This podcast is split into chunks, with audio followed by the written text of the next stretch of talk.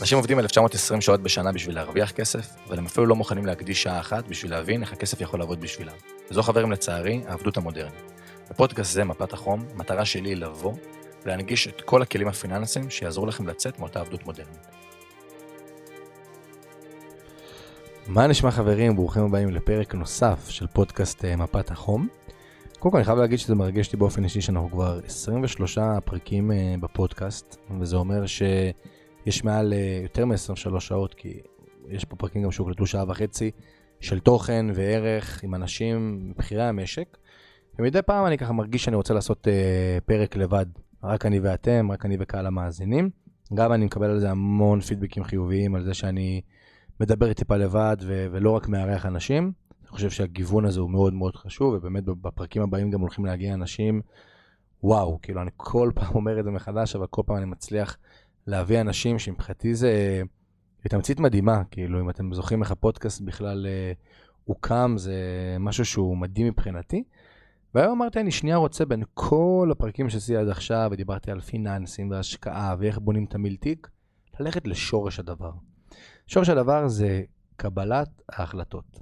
ואני יכול להגיד שבחצי שנה האחרונה, אני נותן על זה הרבה יותר דגש, גם בחיים האישיים שלי, גם באנשים שמגיעים אה, ומשאירים פרטים קטנים בתוכניות ליווי.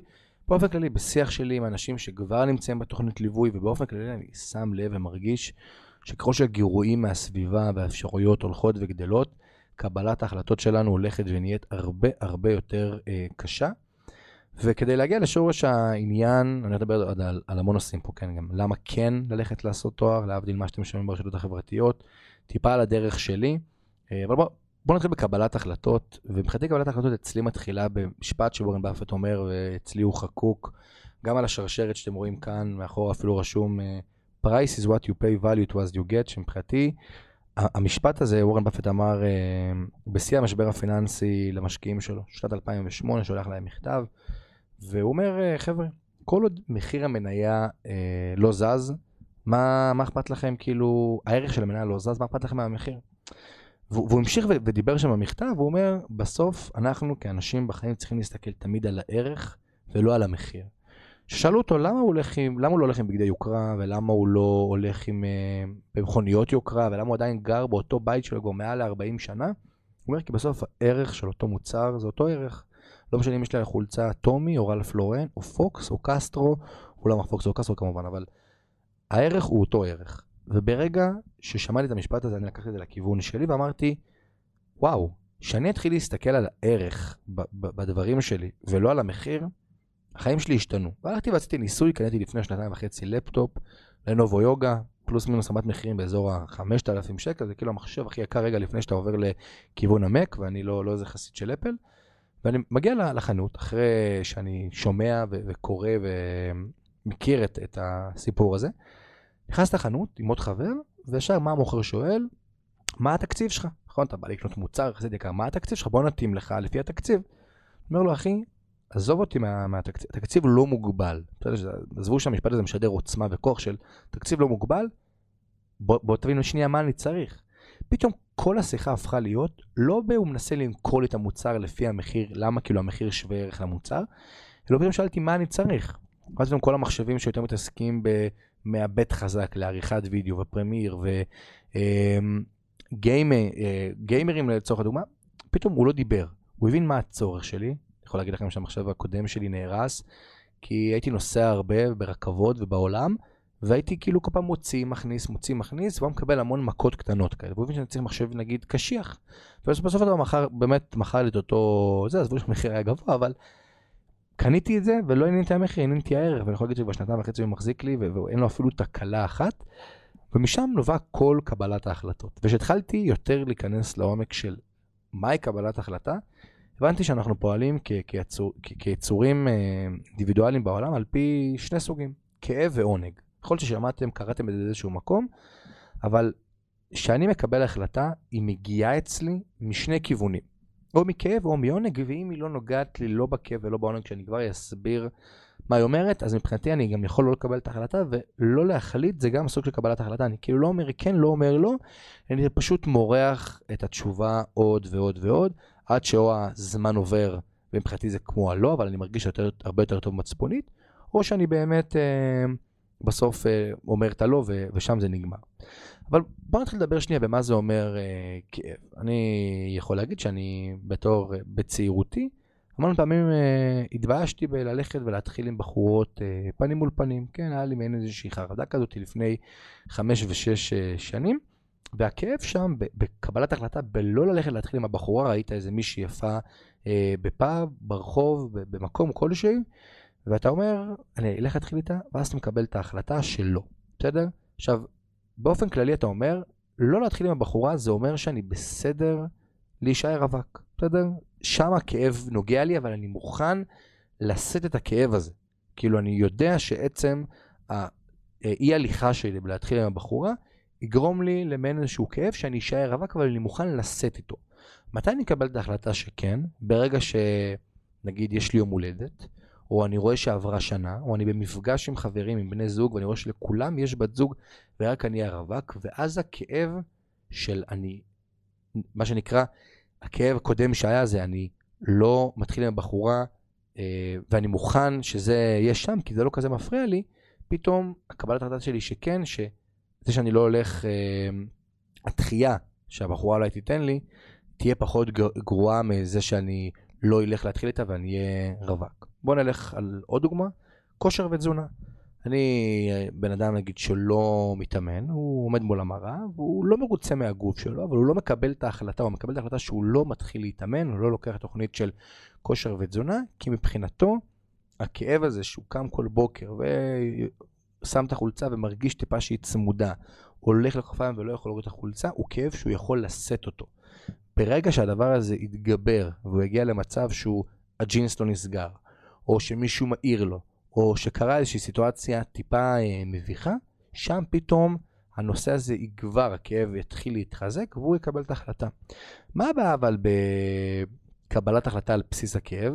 שאני מגיע למקום לא טוב, בסדר? מקום אני יכול להגיד בינוני ומטה, זה כאילו אה, בסדר נקרא לזה, בשביל לא, לא להעליב אף אחד, ואני כאילו חוזר להיות בנורמה, חוזר להיות נורמלי. כשאני מקבל קבלת החלטה על בסיס העונג, אז אני רוצה להשתפר. המצב הקיים כבר הוא לא מספיק לי ואני רוצה תמיד להתקדם. לצורך הדוגמה, לקרוא ספרים. הרי תסכים אותי שאם אני לא אקרא ספרים, אז לא יהיה לי שום כאב, אלא אני ממש מרגיש חרדה מזה שאני באיזה פומו שאני מפספס את זה שיש לנו, אבל לרוב אנשים שלא קוראים ספרים, זה אנשים שכאילו, החיים שלהם לא ישתנו אם הם לא יקראו ספרים, נכון? אבל אנשים שקוראים ספרים הם אנשים שקיבלו החלטה על בסיס העונג, ומה שהניע אותם זה לא כי כאבה להם הסיטואציה שהם רווקים, או כאבה להם הסיטואציה אה, שהחגורה לא נסגרת, או שהכפתור אה, לא נסגר, אלא מקבלים החלטה על בסיס זה שהם רוצים להשתפר. אנשי העונג אומרים, אני לא צריך להרגיש לא בנוח עם הגוף שלי כדי להתחיל להתאמן, הם תמיד רוצים יותר, הם תמיד רוצים להיות חלק ממשהו גדול. אני יכול לתת דוגמה קלאסית. יש לי חבר בשם אה, דיוויד, חבר מאוד טוב מילדות, שלפני בערך שנתיים וחצי, תמיד היה בעולם הכושר והתזונה, בעבר כדורגלן, ושירת בדובדבן, ותמיד היה בן אדם שהוא מה שנקרא ב top of the one של האנשים שאני מכיר. ולפני איזה שנתיים וחצי הוא קיבל החלטה שהוא רוצה להתקדם אה, בתחום הכושר והתזונה ולהגיע לטופ לבל. תמיד אה, אה, אני זוכר שתמיד הוא היה, יום לפני שהיינו הולכים לים, הוא לא היה אוכל מהבוקר כדי שהבטן תהיה טיפה יותר שטוחה והכל, וזה הפריע לו. הוא, הוא, הוא לא רצה לעשות איזשהו טקס מיוחד לפני שהוא הולך לאיזשהו מקום ומאורע מסוים. הוא קיבל החלטה, והבן אדם, אני אומר לכם, היה נראה מדהים.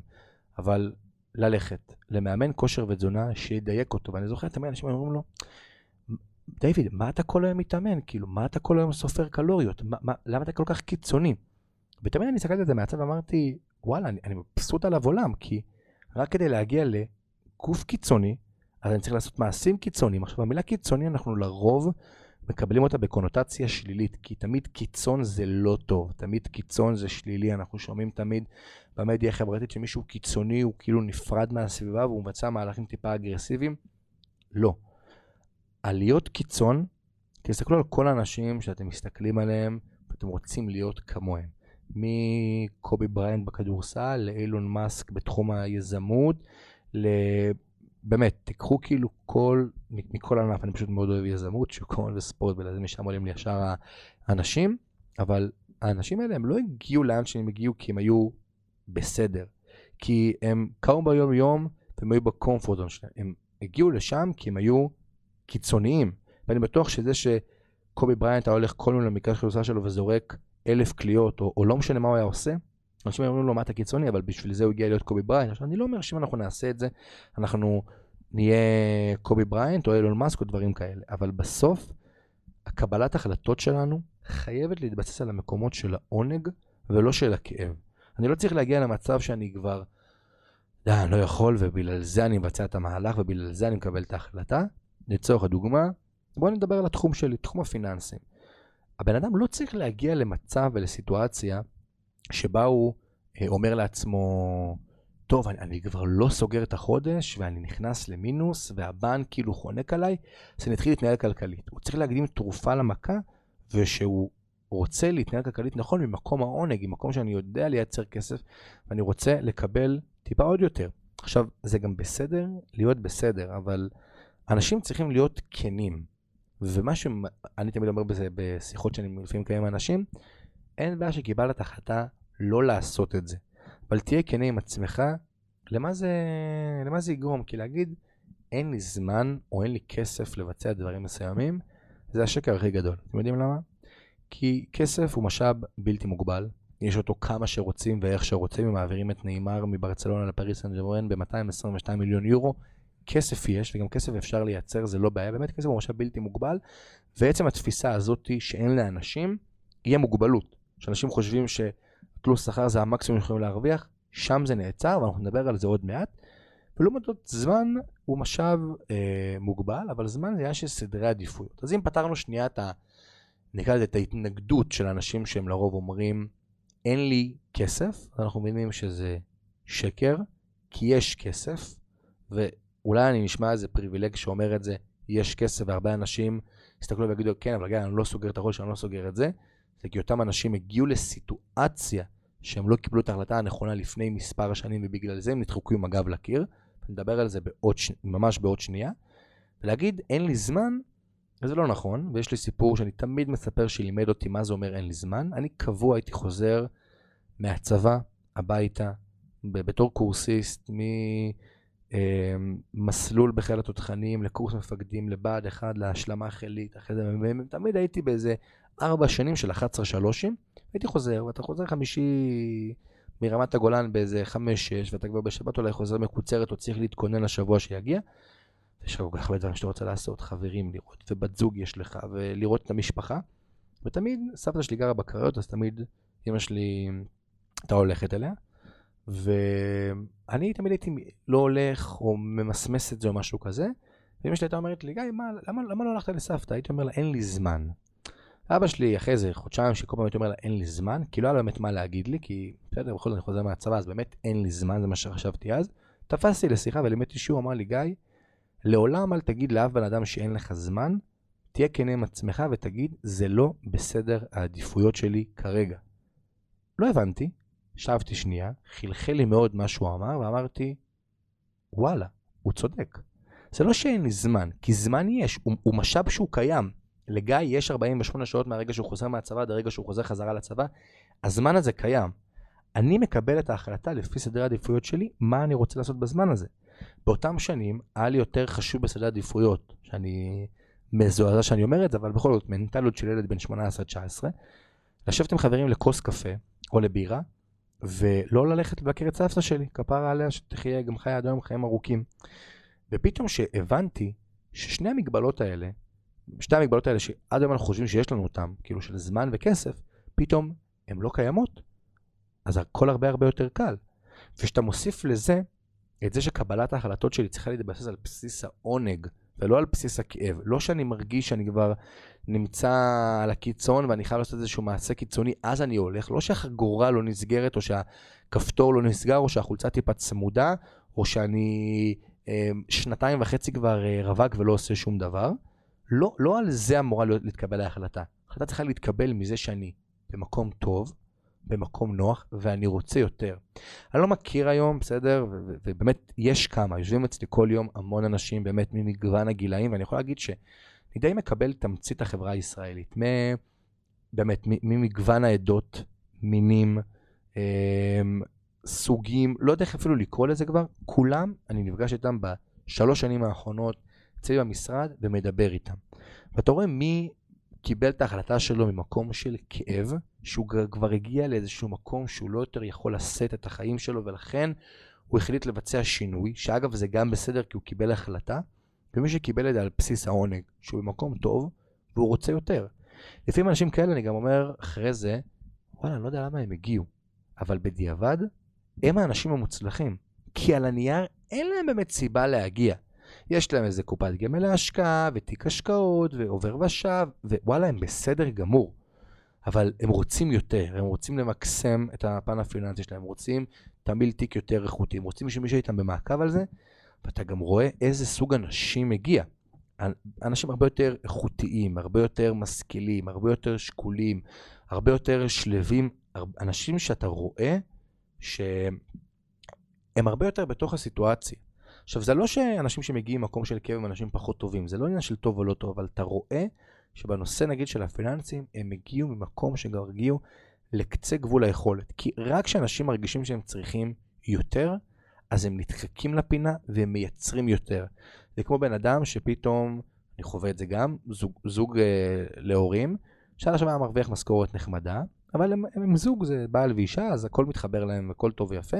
פתאום יש איזה ילד או ילדה קטנה שנמצאים בבית על, ה, על הארסל, או בפינת החתלה, וצריך כבר uh, הרצאות טיפה יותר גדולות. רק שם פתאום נדחקים לפינה, ומקבלים החלטה של אני חייב לדאוג לרמה הפיננסית שלי, להעלות אותה. אני צריך לקחת עוד uh, עבודה, אני צריך לייצר עוד משכורת כדי להגיע לאיזשהו מקום. ואני אומר, למה? במקרה הזה, הדבר הכי חכם זה להקדים תרופה למכה. זה להגיע שאתה רוצה. עכשיו ברור שעדיף מאוחר מאשר אף פעם, כן? זה לא שכל האנשים שעכשיו שומעים אותי והם אומרים לילדים שלא סוגרים את החודש, אז פתאום צריכים לחשוב פה, וואי, אה, פספסתי את המועד. לא, באמת עדיף מאוחר מאשר אף פעם, ובעולם ההשקעות רואים את זה בצורה הכי טובה שיש, מה קורה לבן אדם, איך שהוא מתחיל להתנהל, איך זה בא לידי ביטוי, מה קורה לבן אדם שהוא לא, שהוא לא מתחיל, אבל הדבר הזה צריך להקדים תרופה למכה. כי שהכל טוב, בסדר? זה אומר שאנחנו נמצאים באזור הנוחות שלנו, ומשם לא מתרחשים דברים טובים. יש לי משפט ממש גודל בערך של כל הקיר שלי מעל המיטה בבית, ש- שאומר שאף פעם דברים מצוינים לא מגיעים מהקומפורט זון שלנו, לא מגיעים מהאזור שנוח. כי אם אני קם בבוקר, ואני יכול להגיד לכם שזה השינוי המשמעותי שחל בחיי, אמרתי לי כבר המון פעמים. גיא של גיל 18, 19 ולפני זה, היה מתנהל בעולם בזה שהוא מתנהל. הוא כאילו היה, היה קם בבוקר, ועל הנייר, וזה מתחבר גם לנושא הבא שלי, הוא היה הכל טוב. קצין בצבא, ויש לו בת זוג, ובא ממשפחה טובה, ועשה את היחידות בבית ספר כמו שצריך. ילד טוב מבית טוב. אבל בפנים, גיא של אז, ואני בכלל מדבר על גיא של אז, כי מבחינתי עברתי גלגול תוך כדי החיים שלי, היה בעם ריקני. בעם שרק מחפש איפה הוא יושן בלילה ועם מי, והיה מחפש איפה הוא שותה את הבירה ומתי הוא משתכר, והיה בן אדם, והוא היה טוב, הוא לא היה איזה, אני אגיד מילה של זקנים, פרחח כזה שכל היום מחפש צרות, ו... לא, הוא היה בן אדם באמת טוב. אבל הטייטלים, זה מה ששיחקו תפקיד. ו... אחי, אתה קצין בצבא, כאילו, מה אתה רוצה יותר? ואיפשהו בפציעה שחוויתי, שזה גם מתקשר לעוד נושא שאני מדבר עליו היום, הגעתי לסיטואציה שאני עושה שינוי. ואני יכול להגיד שמה שבאמת עזר לי זה לקרוא ספרים. כשהתחלתי לקרוא ספרים, וכמובן הקלאסית ביותר זה אבא עשיר אבא עני בתחום הפיננסים, חוכמת האדישות בתחום ההתפתחות האישית, העיפו אותי קדימה ברמת ה mindset 15,000 צעדים. ומאז, ויש ימים אגב שאני גם שונא את זה, אין בוקר, יום שאני לא מתהלך בעולם עם מחשבות בראש של איך אני יכול להשתפר, איך אני יכול להתקדם, איך אני יכול להיות בן אדם יותר טוב. פעם לא הייתי בכלל ברמת תודעה הזאת של איך אני יכול להיות בן אדם יותר טוב, איך אני יכול לשפר את עצמי כל יום מחדש. היום אני חווה את זה ולפעמים זה גם מתיש. זה מתיש כל יום שאתה קם ואתה במעין איזשהו מרוץ, אני יכול להגיד, מלחמה כזאת של איך אני יכול להשתפר ולהיות יותר טוב, אתה מאוד מאוד מדיד ואתה מאוד מאוד אה, מודד את הערך העצמי שלך, ולפעמים זה לא טוב, ושם אני צריך לאזן את זה, אני גם יודע, אני גם עובד על זה כל יום. אבל אני מרגיש שעליתי ברמת התודעה שלי שלב אחד למעלה, צעד אחד קדימה. ויש היום הרבה מאוד אנשים שישמעו גם את הפרק הזה, ואגב, זה גם לפעמים נוגע בהרבה שיחות, שישמעו את הפרק הזה, ובכלל לא יהיו ב... כאילו יסתכלו עליי כאילו אני איזה עוף מוזר. כאילו אני איזה הזוי כזה שמדבר בצורה פריבילגית, מתנשאת מעליהם כאילו אני יותר טוב, וזה באמת לא נובע משם. זה נובע ממקום שאותם אנשים לא באותה רמת תודעה, תדר, תקראו לזה איך שאתם רוצים, mindset, בשביל להבין את הדברים האלה. וגם אם זה נשמע מתנשא, אז אני לא נעלב. וגם אם אני אקבל תגובות מהפרק הזה בקטע של כאילו, תשמע גיא, אתה מתנשא, מסריח, אני לא אעלב, אני לא אקח את זה אה, אליי. פעם הייתי מאוד מאוד כאילו לוקח את זה לתשומת ליבי, ואני אני, אני אשמע. אבל בסוף, אנשים צריכים לבצע את הקפיצת מדרגה. ואם אתם היום קמים בבוקר, והיום יום שלכם מתנהל בצורה של לקום בבוקר, ללכת לעבודה, לבצע את התחביב, ואתם בסדר עם זה, ואתם כל היום חושבים איך לשפר את עצמכם, תמשיכו בזה, זה מדהים. אבל אם אתם לא, ואתם כאילו מרגישים ריקניים, אז שימו שנייה דגל אדום. תגידו שנייה, וואלה, אולי משהו פה לא בסדר, אולי משהו שהוא לא טוב, ומה שבאמת יעזור לכולם זה להציב מטרות. ביום שאני התחלתי להציב מטרות לעצמי, בכל תחום בחיי הייתי מבצע עם עצמי כל יום חמישי בערב, הייתי קורא לזה שעתיים זהב, לא שעה. כשהייתי גר בחיפה הייתי הולך ביערות הכרמל, ומבצע לעצמי הייתי מודד אותי בשבעה תחומים בחיים, בכושר ותזונה, וזוגיות, ומשפחה, ופיננסים, וקריירה, והשפעה על אחרים, והתנדבות, המון המון המון אפיקים, והייתי מציב מטרות בכל אחד. וכל פעם, קודם כל, להציב מטרות יעשה לכם טוב חד משמעי. ואז מה קורה שיש דילמה, או צריך לקבל החלטה? כל פעם שאני צריך לקבל את ההחלטה, אני נזכר במטרות שהצבתי לעצמי, ואני שואל את עצמי, האם אותה אה, החלטה, אם אני אקבל אותה לחיוב, זה יקדם אותי לעבר המטרה? אם כן, אז החלטה לקבל אותה היא מאוד מאוד קלה, כי ברור שזה יקדם אותי וזו המטרה שלי. אם לא, אז אני לא אקח את אותה הצעה. ואם אני לא יודע, אני אלך וימשיך ויחקור על אותו מוצר או על אותו שירות, האם זה באמת מקדם אותי. וככה אני גם מחזק את שיר קבלת ההחלטות שלי, ואני כבר גם לא, לא, לא נראה ילד.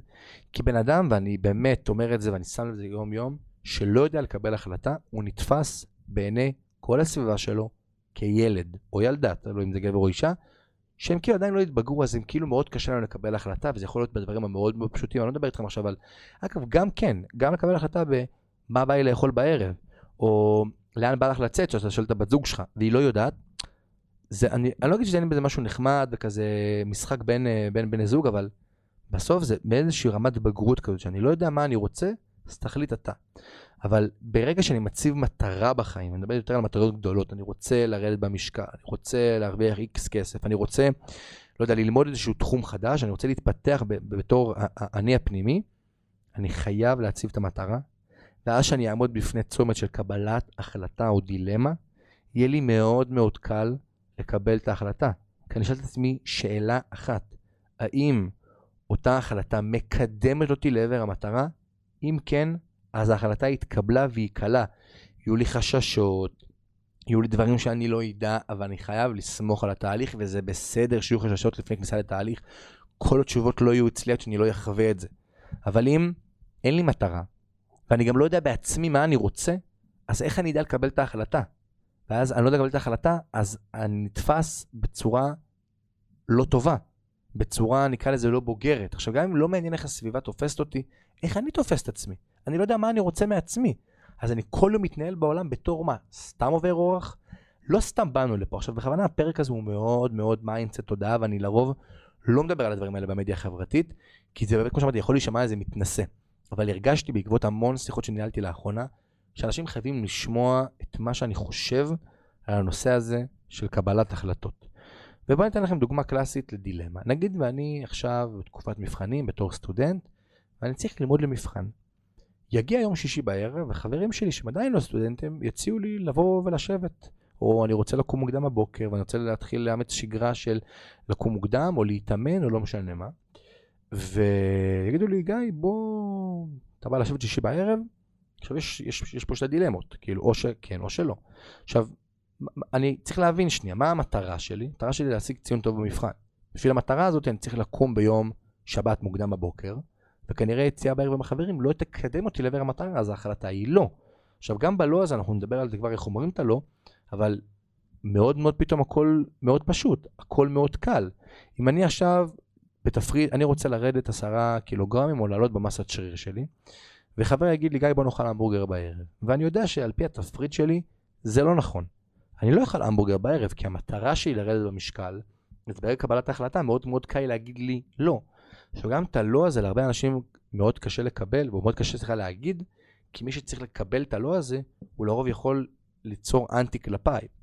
כי כשאני אומר, אני לא יכול, זה לא באמת שאני לא יכול לבוא ולשבת עם החבר ביום שלישי בערב, אני לא רוצה, כי המטרה שלי היא לקום ביום שבת מוקדם בבוקר. אז זה לא שאני לא יכול, אני יכול, אני יכול הכל, אף אחד לא מחזיק אותי, שב בבית או תאכל את ההמבורגר הזה, אבל אני לא רוצה. אני להגיד לבן אני לא רוצה, זה לפעמים יכול להישמע בצורה מעליבה, כאילו אני לא רוצה, זה לא שאני לא רוצה אותך, אני לא רוצה לשבת איתך. אני לא רוצה לשבת, כי אני רוצה להצליח במבחן. הצורת דיבור הזאת, גם לעצמנו וגם לסביבה, גורמת לנו הרבה מאוד פעמים להיתפס בצורה בוגרת. אנחנו מעריכים את עצמנו הרבה יותר, כי אני יודע מתי להגיד לא ומתי להגיד כן, והכל יושב ומתבסס על בסיס קבלת ההחלטות. ואת כל התיאוריה הזאת שאני באמת פיתחתי בעצמי, נבע מאותו משפט אה, אגדי של וורן באפט ש... שאמרתי לכם, ואני אני, אני טיפה חוזר אה, אחורה לדרך שלי. הרבה אנשים, אני שם לב, שלא יודעים בכלל איך התחלתי ומה כל הסיפור, אבל אני באוגוסט 16, אה, היום אני בן 25 בהקלטת פרק זה, לא, לא כאילו היום היום, אבל מה שנקרא, זה השנתון שלי, 98. אה, התגייסתי לחיל התותחנים, ותוך שנה ושמונה, מעד, מהר מאוד, סיימתי כבר עם ארון על הכתף, זה מעין איזשהו מסלול כוכב כזה. יום ראשון נכנס לתפקיד להיות uh, מ"מ, זה מפלג למי שמדבר שפת תותחנית. אמ, במבצעית, אפילו בסוללה ג' אם אני לא טועה, של גדוד 405, ויום ראשון מתחיל תפקיד.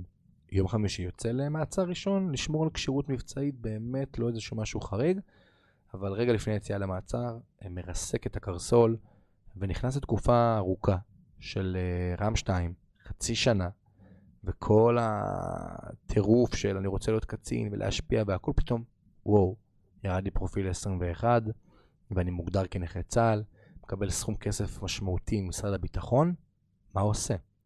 נכנסתי לכל העולמות dropshipping, affiliate, מאוד הייתי שם, שום, הבנתי, כי קראתי שני ספרים, אבא עשיר אבא עני כמו שאמרתי, וספר נוסף שאני ממליץ לכולם בחום, רביעי תזרים המזומנים. ספר שמדבר ומסביר מאיפה אני יכול לקבל מקורות הכנסה. וברגע שהבנתי שמיליונר אני לא אהיה אם אני אעבוד כל חיי כנגד תלוש שכר, אמרתי אני חייב לפתח מקורות אחרים, כסף היה, גם מחסכונות קודמים וגם מהפציעה מהצבא, והגעתי למצב שאני נכנס לכל האפיקים של לייצר כסף דרך האינטרנט. dropshipping, כמו שאמרתי, affiliate, מה לא, אפילו תרגום מסמכים ב Fiverr היה לי תקופה, ואז שוק ההון היה במקביל לכל שאר האפיקים, והוא מאוד מאוד משך אותי. מאוד מאוד רציתי, ובסופו של דבר חזרתי אחרי חצי שנה, אחרי שיקום ממושך אה, לצבא, סיימתי שירות אה, קבע מלא. אה, בעיקר המפקדים שהיו לי לא ויתרו לי וגם אני לא ויתרתי לעצמי. ושוק ההון תמיד היה שם מה שנקרא במקביל. ובאותו רגע של הפציעה, תמיד יש משפט של סטיב ג'ובס, שאתה אומר, אתה יכול לחבר את, את הנקודות רק בדיעבד. ואף פעם לא הבנתי את זה, אמרתי, אה, הוא מתנשא, הוא זה. וכן, מי אני שאגיד על סטיב ג'ובס שהוא מתנשא, אבל לא, לא, לא הבנתי, ופתאום היום כשאני מסתכל על, על, על נקרא לזה קריירה שלי, או מאיפה שהתחלתי, אני אומר, וואלה, באותו רגע שנפצעתי, זוכר את עצמי יושב בזאב, חרב עליי עולמי. מרגיש שכאילו הרופא אומר לי, תשמע, אתה נכנס עכשיו לניתוח, אתה יורד לפרופיל 21, בוכה את חיי, כאילו. כל החלום, רציתי להיות רמטכ"ל, מי שמכיר אותי מתקופה מהצבא, רציתי להיות בטירוף, כאילו, קריירה צבאית ארוכת, ארוכת שנים, הכל יורד לטמיון. ומאותו רגע, קיבלתי את ההחלטה לאסוף את עצמי, לא ביודעין אגב, מאוד ממקום אה, אחר, אבל ביודעין לאסוף את עצמי. ולהגיע שנייה לאיזשהו מקום טיפה יותר גבוה וחזק, שהיום בדיעבד אני מסתכל, אותו מקום לא טוב שהייתי, הוא מה שהביא אותי לאן שאני היום. הוא הביא אותי להתעסק בשוק ההון. אם לא הפציעה, אני לא מתעסק בשוק ההון. אם לא הפציעה, את היכולת הכלכלית להתעסק בשוק ההון, לחוות הפסדים, רווחים והפסדים ורווחים שוב פעם, עד שאתה מוצא את הדרך הישרה שלך. אני חושב ששם הדבר הזה מאוד, אה, מאוד אה, חידד אותי. ונושא אחרון שאני רוצה ככה לדבר איתכם היום, זה למה כן, ואני פה אומר, למה כן ללכת לעשות תואר. אנחנו נמצאים בתקופה שבמדיה החברתית, אה, בנושא האף-פורמלי, המון אנשים אומרים למה לא ללכת לעשות תואר, ולמה תואר הזה לא טוב וזה חרא. ואני אהיה איתכם כן, לאותם אנשים גם יש אינטרס למכור לכם מוצר שהוא בדמות תואר, הוא תחליף לתואר. אז תמיד מה ששוק ההון לימד אותי לפתח חשיבה ביקורתית עבור ידיעות שאני רואה, כי רק ככה אני יכולה לעשות תוצאות שונות מכל העדר. ואני לא אומר שללכת לעשות תואר זה כן טוב או לא טוב, אני כבר אדבר על זה, אבל תמיד תחשבו שאם יש אנשים אומרים לכם לא ללכת לעשות תואר, ובמקביל מוכרים לכם מוצר שהוא כתחליף לתואר, האינטרס הוא שקוף, ברור ומכעיס. אבל אחרי שנתיים בהכשרות ולימודים שהעברתי לאנשים מניהול פיננסי ללימוד שוק ההון, מסחר, הכל, הגעתי למסקנה שהפוטנציאל האמיתי שלי לא גלום בזה שאני אשב עם בן אדם, טוב ככל שהוא יהיה, שעתיים בחדר, ויסביר לו על שוק ההון. הרגשתי שכאילו הגעתי למיצוי פוטנציאל, בא להשפיע, כאילו ב- ב- לשבת עם אנשים ולהסביר להם, והרגשתי שכאילו כל פעם אני כבר מדבר כמו רוטינה, ואני לא חווה אתגר. ואמרתי לעצמי, אין דבר כזה שאני לא אחווה אתגר מקצועי במה שאני עושה. חוויתי אתגר בתחום שוק ההון, זה פתחתי עסק ללימודים ומסחר, כי רציתי שנייה משהו אחר, וגם היו הרבה מאוד uh, פניות שהגיעו אליי. ואמרתי לעצמי, טוב, מה, מה השלב הבא? ותוך כדי גם החקירה על הפודקאסט הזה, נחשפתי להמון אנשים שהם טובים, ובחור אה, אחד, שהוא מבחינתי האיידול ובאופן כללי, אמרתי, אני רוצה לנהל כסף. ללמד איך, באתי מלנהל כסף, אני היום מנהל את הכסף שלי, אבל אני רוצה לנהל כסף גדול. עכשיו, ברור שאני לפחות חושב, אין הבדל אם אתה מנהל מיליון שקל או עשרה מיליון שקלים, אתה לא באמת מזיז את השוק. כשאתה כבר כמה מיליארדים, אתה השוק וזה דבר שהוא שונה. אבל אמרתי, אני רוצה לנהל כסף. ואז אמרתי, שנייה, מה זה לנהל כסף? אתה לא רוצה קופת גמל להשקעה, אתה לא רוצה לפתוח בית השקעות. אני רציתי, אני עדיין רוצה, וזה גם מה שיקרה, שאנשים שיש להם הון גדול, לא 100-200 אלף, כמה מיליונים טובים, והם לא רוצים לנהל את זה בעצמם, אני הבן אדם שינהל להם את זה. ואז אמרתי, שנייה, צריך רישיון לניהול תיקים, ואז אמרתי, טוב, לא צריך רישיון לניהול תיקים, כי אתה יכול לפתוח דבר שנקרא קרן גידור, ואז בין כל השיטוט הזה אמרתי, שוק ההון אבל יש לו בעיה. כמה שהוא מקצועי, גם הרבה מאוד מנטלי ופסיכולוגי, וכל עוד יש דברים שלא בהכרח גם משפיעים עליי, זה בעיה, שאני לא משפיע עליהם. אז אמרתי, אני רוצה להשקיע ולהשביח חברות פרטיות. לקחת חברה, כמו שהיום אני רואה בן אדם שיש לו הון פיננסי מסוים, והוא לא ממקסם אותו, פשוט לקחת חברה שאני מבין שהיא יכולה הרבה יותר להתייעל ולמקסם אותה, לשפר אותה ברמה הפיננסית, להיכנס לקרביים של המאזן רווח והפסד, לדוחות שלה, הכל, ולהבין איך אפשר לגרום לחברה להיות יותר רווחית, לזהות פוטנציאל, ממש כמו מניה, ואתה תהיה אחראי על ההשבחה. אבל בשביל זה צריך הרבה מאוד אה, כסף, זה נקרא, אתה יודע, בשם, private equity, קרן אה, השקעות פרטית. ואמרתי, טוב, היה לי, יש לי חבר שעובד היום בקרן גידור, ופעם אחת הוא בא לי עם המבחן שהביאו לו מהקרן גידור שהוא רצה להתקבל אליה. קיבלתי חושך, והרגשתי פער מקצועי, לפני שנתיים, תהומי בין מה שהוא כאילו נבחן ועושה לבין מה שאני יודע. אמרתי, זה לא קורה, אין דבר כזה, אני לא, אולי בתחום ה... ללמד אנשים באופן פרטי זה מספיק, כי אנשים בסוף רואים תוצאות, אבל לאן שאני רוצה להגיע, זה לא נמצא שם. ומה הצבתי לעצמי, ואני חוזר פה לקבלת החלטות? מטרה. הבנתי שהמטרה שלי היא להשפיע על כל בן אדם ברמה הפיננסית במדינת ישראל, ובמקביל לפתח קרן השקעות פרטית ולבצע השבחת חברות. הצבתי את המטרה הזאת, ומשם הדרך פעולה היא הרבה יותר קלה. ואז הבנתי שאני צריך להעמיק את הידע שלי ברמה החשבונאית, ולצערי, היום ברחבי המדיה קשה עד בלתי אפשרי להגיע לרמת ידע מקצועית מאוד בפן החשבונאי. ואמרתי, טוב, בוא נלך נלמד חשבונאות, מנהל עסקים. ישבתי עם הדיקן, עם הראש חוג בבינתחומי, אה, שלומי שוב, של החוג הזה.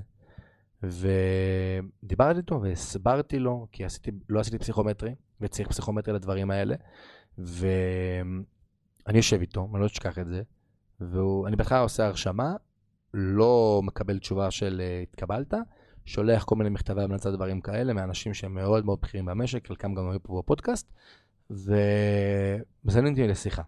אומרים, טוב, יש פה מישהו שהוא אחר. יושב לשיחה עם שלומי והעוזרת שלו, ומסביר להם מה המטרה שלי.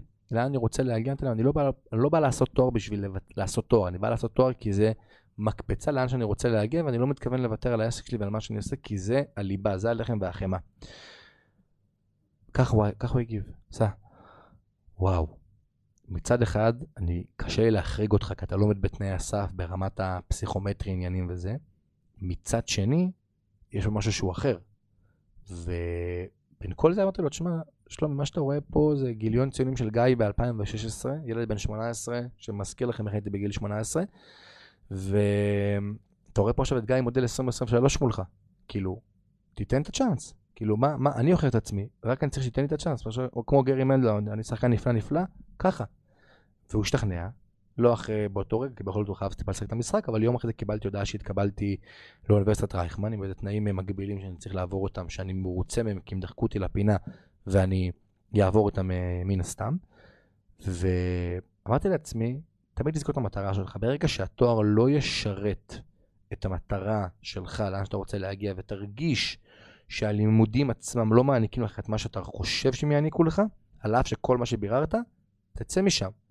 וההחלטה היא תהיה קלה. וכשאנשים מסתכלים עליי באמצע העסק שהוא משגשג ופורח, לקבל החלטה ללכת ללמוד תואר, ואנשים שאומרים לעצמי, גיא, אתה יורה לעצמך ברגל, אתה נכנס למטריקס עניינים, אותי זה לא עניין. כי ההחלטה היא אצלי, ואני יודע לקבל את ההחלטה בככה, כי אני יודע מה המטרה שלי. אם לא הייתי יודע מה המטרה שלי, אז לא הייתי, לא הייתי בכלל שוקל לחשוב בכיוון הזה, כי הייתי אומר, כאילו הייתי מאוד מנסה להיות בקומפורטון כל הזמן, ומשהו שהוא לא מצליח, הוא בורח. ופה אני גם אומר לכם, על כל הקטע של ללכת ללמוד תואר.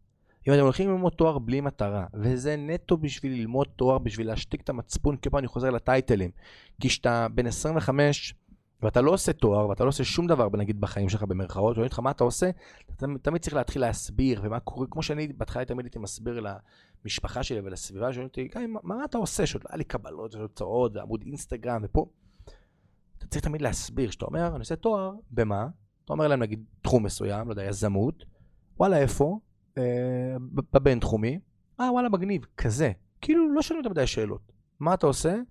אה, אני בצבא. זהו, לא מעניין מעבר, ולא מעניין שאר התחומים האחרים, לא מעניין מה אתה עושה אה, בחיים הזוגיים שלך, בחיים הפיננסיים שלך, כושר ותזונה, כי אתה בצבא, זה בסדר. ואז כשאתה סטודנט, רוב הסטודנטים היום, בטוח שאתה מגיע לי. בסדר, אני סטודנט, כאילו. למה שאני אדאג לעצמי לרמה? אני סטודנט, כאילו.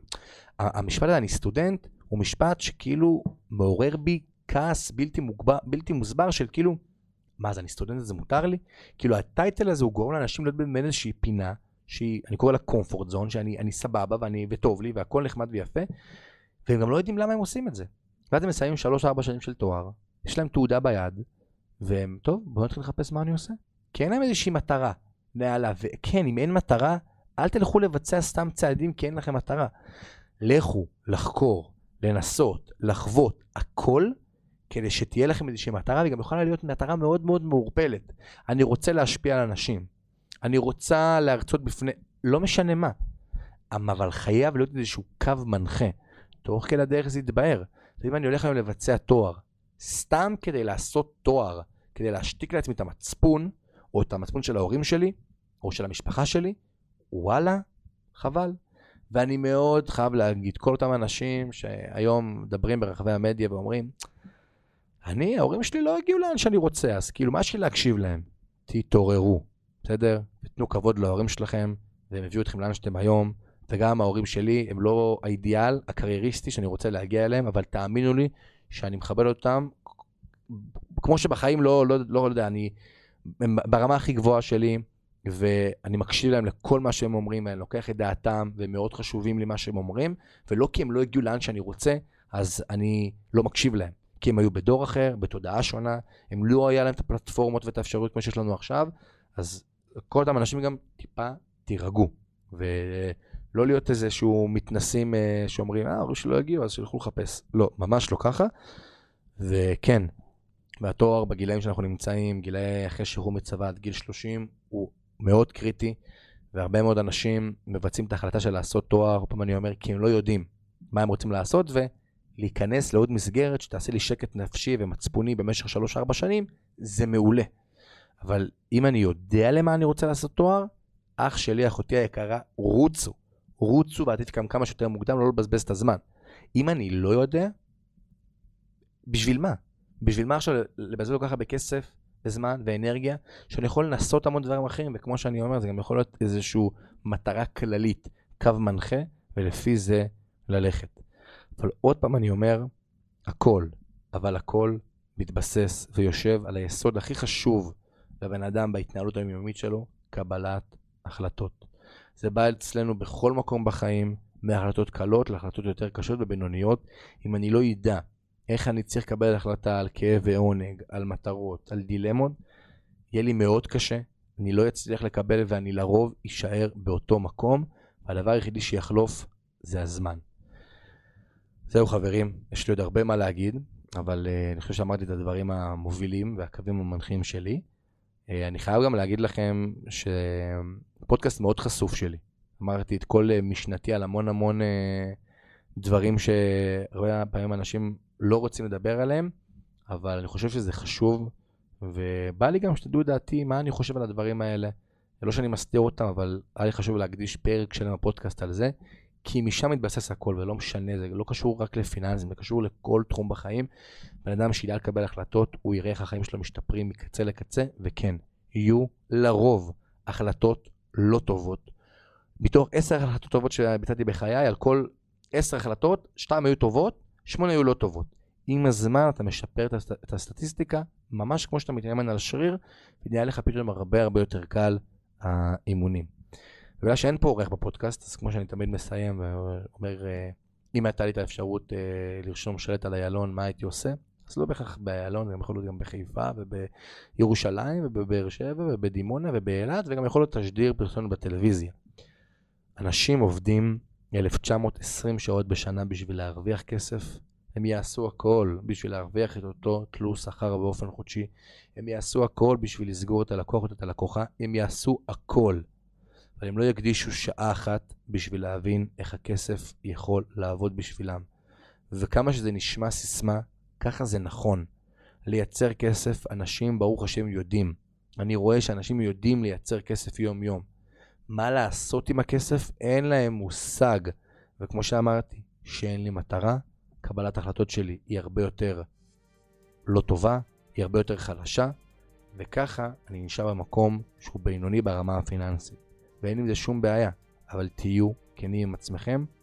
מה אתם רוצים להיות? אתם רוצים להיות בסדר, או אתם רוצים להיות מצליחנים, וזה בסדר לקבל כל החלטה באשר היא. וזהו חברים, תודה רבה שהזנתם לעוד פרק של פודקאסט מפת החום, שיהיה לכם המשך יום טוב ושבוע מקסים.